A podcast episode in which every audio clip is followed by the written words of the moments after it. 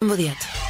Oferta dhe kursime vetëm tek Delta dhe jo vetëm kaq, por edhe mundësi blerje me këste me zero për qind interes deri në pesëqind mijë lekë. Pllaka, duke filluar nga tre euro, laminat, shtatë pikë gjashtë euro, mobile banjo, njëqind e dyzet euro, mishelator, shtatëmbëdhjetë pikë pesë euro, set hidrosanitar, njëqind e tridhjetë e nëntë euro, sistem kapot i kompletuar, tetë pikë nëntë euro metri katror, bojra Deutsch Color, pesëmbëdhjetë pikë shtatë euro, si rrallë herë. Edhe oferta, edhe mundësi blerje me këste me zero për qind interes deri në pesëqind mijë lekë, vetëm tek Delta, pjesë e Delta Group.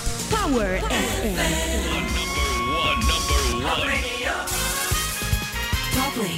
Flash në Top Albania Radio, informacionet kryesore të ditës. Përshëndetje, këto janë lajmet e orës 16. Përshëndetje. Ndërsa nga veriu i Kosovës vazhdon heqja e barrikadave serbe të vëna dje, kryeministri Albin Kurti pret të largohen që të nënta e të lirohen rrugët për në pikëkalimet me Serbinë. Kur kjo të ndodhë, do të shtyhet me një muaj zbatimi i dy vendimeve për targat e dokumentet të kontestuara nga serbët e Kosovës e Beogradi. Vendimet duhej të hynin në fuqi sot, por me tensionet e krijuara ndërkombëtarë sugjeruan shtyrjen tridhjetë ditore e Prishtina pranoi. Pikëkalimet e Jarinjës e Bërnjakut ende nuk janë hapur. Po përballemi me nacionalshovinizmin serbomadh që e njohim mirë. Do të punojmë ditë e natë. Do të jemi në krye të detyrës, për juve si qytetarë dhe për Republikën tonë demokratike. Dhe së bashku arrijmë të ngadhënjejë rendi e ligji duke i vendosur ato në çdo cep të vendit. Raportohet se njëmbëdhjetë qytetarë morën trajtim mjekësor për shkak të lëndimeve nga ato që Prishtina i quan struktura kriminale ilegale të armatosura në veri të Kosovës e që dëmtuan edhe makina të shqiptarëve. Për këto raste policia vijon hetime. Deri në mesditë janë lëshuar mbi një mijë e pesëqind dokumente për hyrje-daljet e shtetasve të Serbisë që hyjnë në territorin e Kosovës. Kryediplomati europian Borrell ftoi në takim në Bruksel kryeministrin Kurti dhe presidentin Vuçiç. Kurti e Vuçiç morën ftesë për vazhdimin e dialogut, ku do të diskutohet për të gjitha çështjet e hapura. Në Bruksel vë në dukje se tensionet janë pasojë direkte e mungesës së vullnetit të liderëve për të ulur dhe për të vazhduar bisedimet. Në Prishtinë e në Beograd nuk ka konfirmim për pjesëmarrje. Ministri i Punëve të Brendshme të Serbisë Aleksandër Vulin tha sot se muaji i ardhshëm duhet të shfrytëzohet për marrëveshje e diplomaci nga Amerika, vend për të cilin deklaroi se ka ndikim të madh në Kosovë, kërkoi të vazhdojë ta përdorë këtë ndikim për mirë për të bindur Kurtin të arrijë zgjidhje. Për kryeministrin Rama situata në veri tregon pse duhet Ballkani i hapur e se përse Kosova duhet të ulet në tryezën e nismës. Rama shprehu mbështetje të plotë për qeverinë Kurti në synimet për zbatimin e reciprocitetit me Serbinë. Kjo është arsyeja pse Kosova duhet të jetë shumë më e angazhuar në dialogun me Serbinë. Edhe sikur Serbia mos dojë, Kosova duhet ta kërkojë dialogun pa pushim, pa pushim, pa pushim. Kjo është arsyeja pse bashkëpunimi me aleatët strategjikë, me Shtetet e Bashkuara, me Bashkimin Europian është domosdoshmëri dhe mbi të gjitha pa atë dialog dhe pa njohjen reciproke, strategjikisht e ardhmja nuk është aq e ndritur saç mund të ishte. Qeveria e Kosovës ka bërë gjënë e duhur, ka mbështetjen time dhe tonë qind për qind. Ka bërë dy herë gjënë e duhur, e para që ka kërkuar të implementojë marrëveshjen dhe e dyta që e ka shtyrë. Por, thënë kjo, dialog, dialog, dialog, paqe, paqe, paqe. Kryeministri Rama kishte dhe një thirrje për Vuçiçin.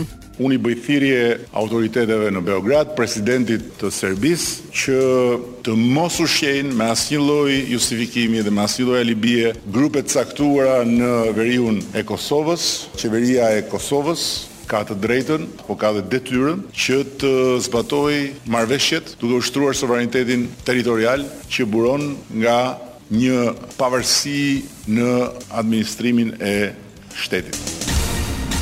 Ndërsa vazhdon heqja e barrikadave serbe nga veriu i Kosovës, pas garancive se kur të largohen të gjitha shtyhet për më një shtator, pra me një muaj, zbatimi i dy vendimeve për targat dhe dokumentet serbe vijojnë reagimet. Presidenti Bajram Begaj përshëndeti vendimin e Prishtinës për shtyrjen duke e cilësuar të matur.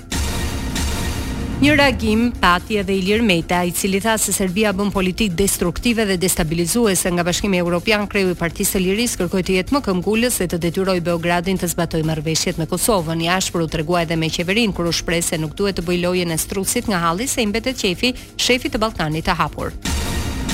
Te situata në veri të Kosovës, Partia Demokratike sheh atë që e quan hipokrizi të Ramës dhe Vuçiçit me Ballkanin e Hapur, pasi dënoi veprimet serbe, anëtari i kryesisë Aldo Bumçi tha. Nëse Kosova do të konsiderohej siç thonë e mirëpritur në këtë projekt, paradat e serbomadhnisë në kufirin mes dy vendeve nuk do të përsëriteshin në tokat ku luhej teatri i përgjakur i luftës.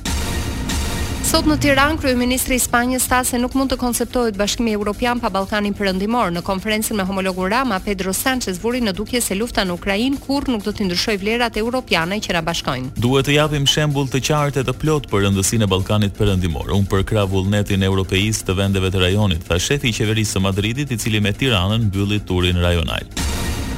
Marrëveshje Shqipëri-Spanjë për krijimin e një grupi të përbashkët hetimi në fushën e luftës kundër krimit të organizuar ndërkombëtar, kjo duke përdorur instrumentet e inteligjencës policore e të hetimit që të dy vendet vlerësojnë të përshtatshme, në selinë e Kryeministrisë, dokumenti u siglua nga ministri i Brendshëm Bledi Çuçi dhe ambasadori i Spanjës në Tiranë, Alvaro Renedo Zalba. në prani të kryeministrave Rama dhe Sanchez.